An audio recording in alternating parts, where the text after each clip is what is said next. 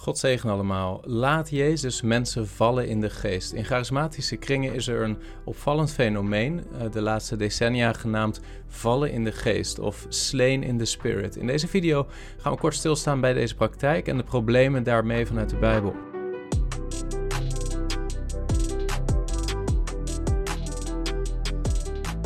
Wat je vaak ziet bij charismatisch christelijke bijeenkomsten is dat na een boodschap uit de Bijbel er een moment ontstaat waarbij mensen naar voren komen, de charismatische spreker hen de handen oplegt of tegen hen aanblaast en vervolgens zij uh, vaak achterover op de grond vallen, beginnen te trillen of beginnen te spreken in verwarrende taal.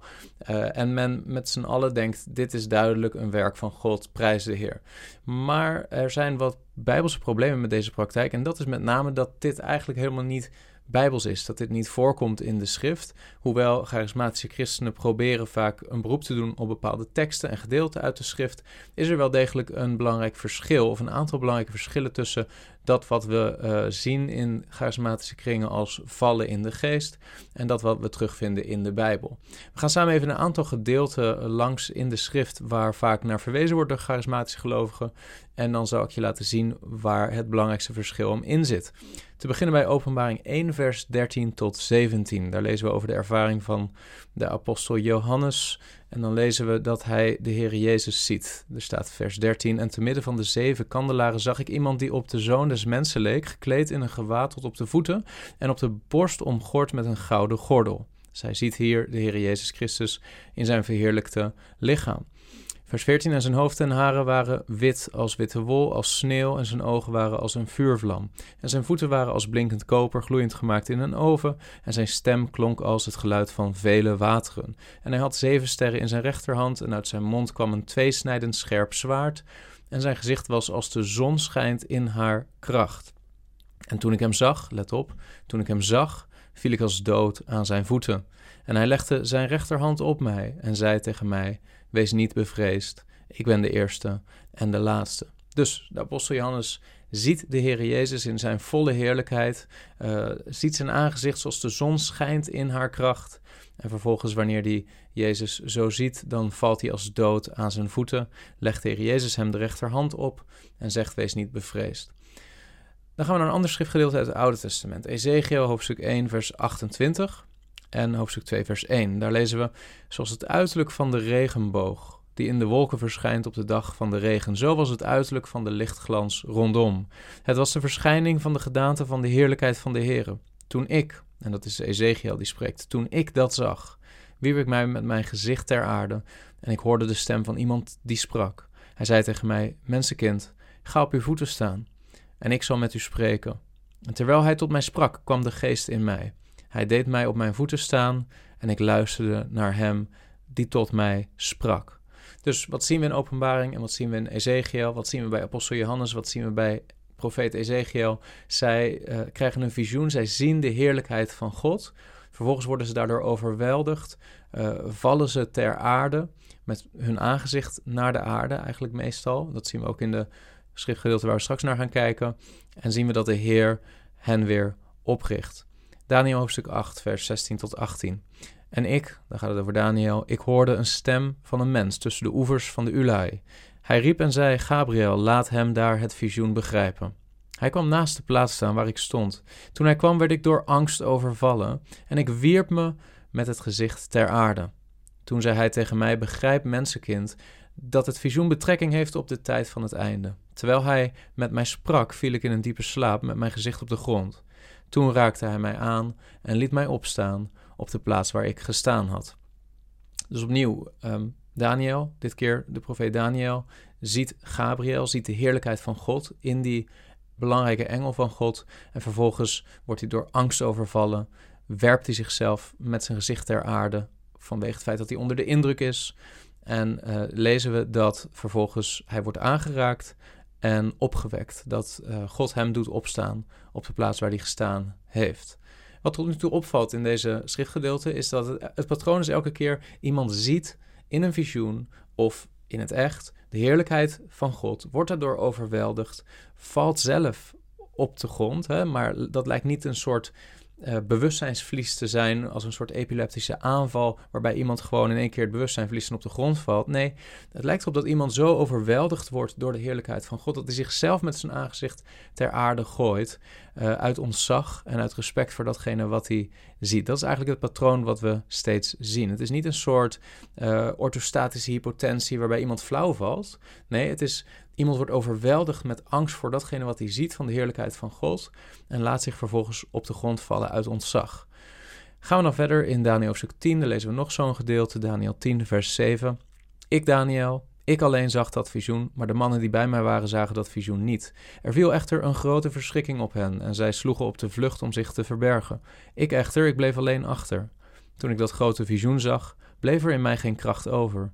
Mijn gezonde uitstraling werd aan mij veranderd in verval en ik had geen kracht meer over. Toen hoorde ik het geluid van zijn woorden.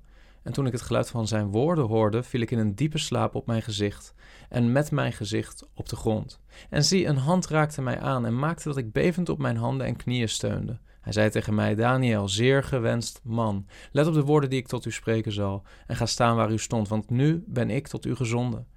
Toen hij dat woord tot mij sprak, ging ik bevend staan. Dus met andere woorden, het patroon wat we steeds zien, nogmaals, ehm, een man van God krijgt een visioen, ziet de heerlijkheid van God, wordt erdoor overweldigd met vrees voor de Here, ontzag, respect, valt ter aarde, vaak met het gezicht naar voren, hè, ook een teken van ontzag voor datgene wat hij of zij ziet. En vervolgens is het juist de Heer die door middel van aanraking vaak niet iemand laat vallen, maar iemand weer op zijn voeten doet staan. Het is in die zin wat we zien in de Bijbel niet zozeer vallen in de geest, maar opstaan in de geest. Dus uh, wat, wat, wat belangrijk is en wat opvalt uh, met het verschil in de charismatische bijeenkomsten die we zien, waar gesproken wordt over vallen in de geest, en waar dit soort schriftgedeelten worden aangehaald, of de, de, Jezus die verheerlijkt op de berg verschijnt aan drie van zijn meest hechte discipelen, Petrus, Johannes en Jacobus. Um, daar zien we ook dat ze uit ontzag voorovervallen en uh, overweldigd worden door die heerlijkheid die zichtbaar wordt voor hen van de Heer Jezus. Uh, Paulus, die wanneer hij het visioen heeft van de Heer Jezus, op de grond valt. Um, vaak doen charismatische christenen een beroep op dat soort schriftgedeelten om de praktijk in charismatische bijeenkomsten te verdedigen. Maar een belangrijk verschil is, of eigenlijk een aantal verschillen, is dat allereerst in de Bijbel het altijd vooraf gaat door een perspectief krijgen, iets zien van de heerlijkheid van God. Hè? En vervolgens daar een zekere angst of emotie bij ervaren. In de charismatische bijeenkomsten is dat eigenlijk niet wat we zien. Vaak zien we dat mensen reageren op een lichamelijke aanraking van een charismatische leider. Hè? Dat dat letterlijk het moment is waarop ze dan vallen. Uh, dat het een lichamelijke sensatie is die voorafgaat aan de val. Maar dat is niet wat we zien in de Bijbel. In de Bijbel zien we dat ze iets zien van de heerlijkheid van God. Nou, dat is al een eerste verschil. Een tweede verschil is, en dat is heel belangrijk, in de Bijbel zijn dit vrij zeldzame situaties. Dit, dit zie je niet op elke bladzijde van de Bijbel gebeuren en zeker niet in het leven van iedere discipel van de Heer Jezus Christus. Dit zijn vrij uitzonderlijke gebeurtenissen.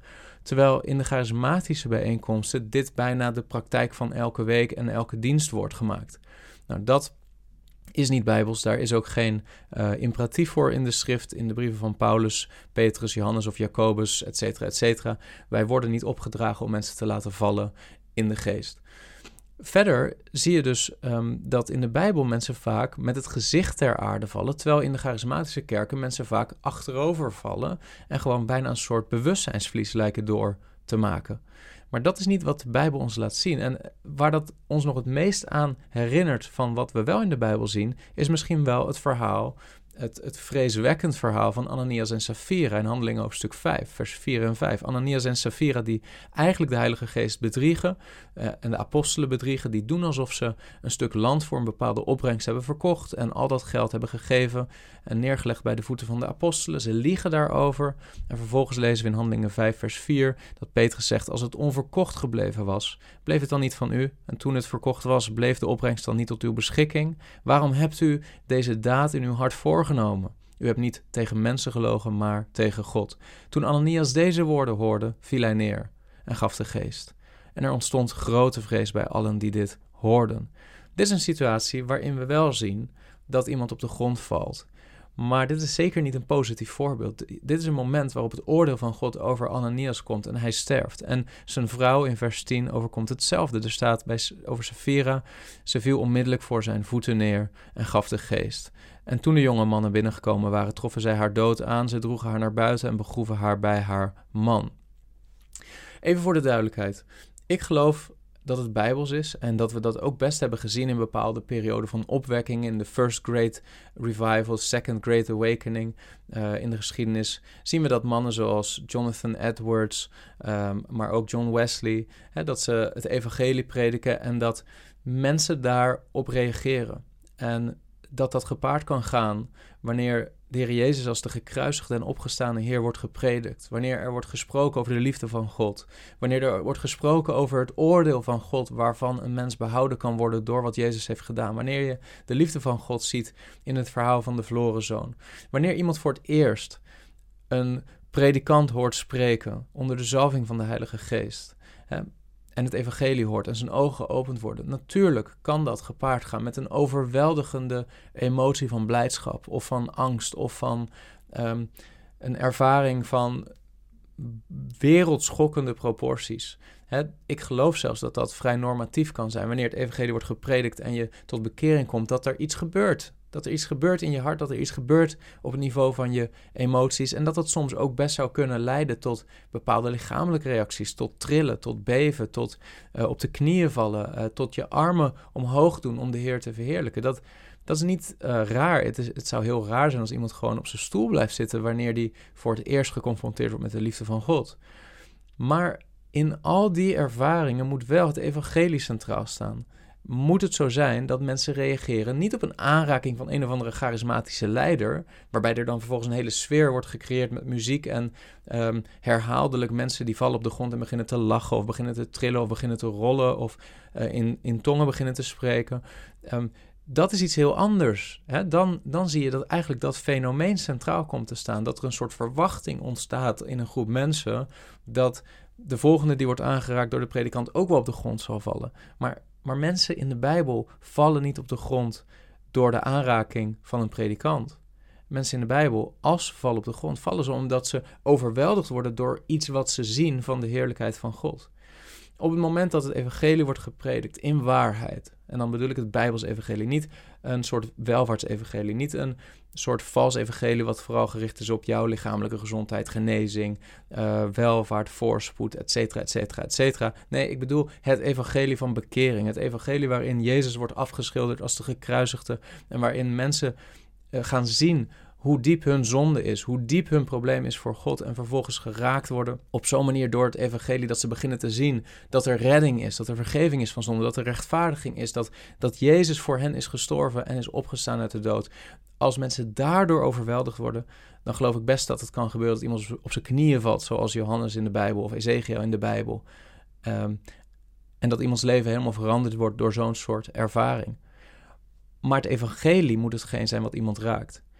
En in die charismatische bijeenkomsten, als je goed kijkt naar wat er gebeurt, dan zie je dat er iets anders gebeurt. Dat het niet zozeer gaat om het evangelie waardoor mensen reageren en vallen, maar een bepaalde psychologische verwachting of een bepaalde um, ervaring die gezocht wordt, die ertoe leidt dat mensen vallen door de aanraking of door het blazen van een of andere predikant. Dat is niet bijbels, dat zie je nergens in de schrift.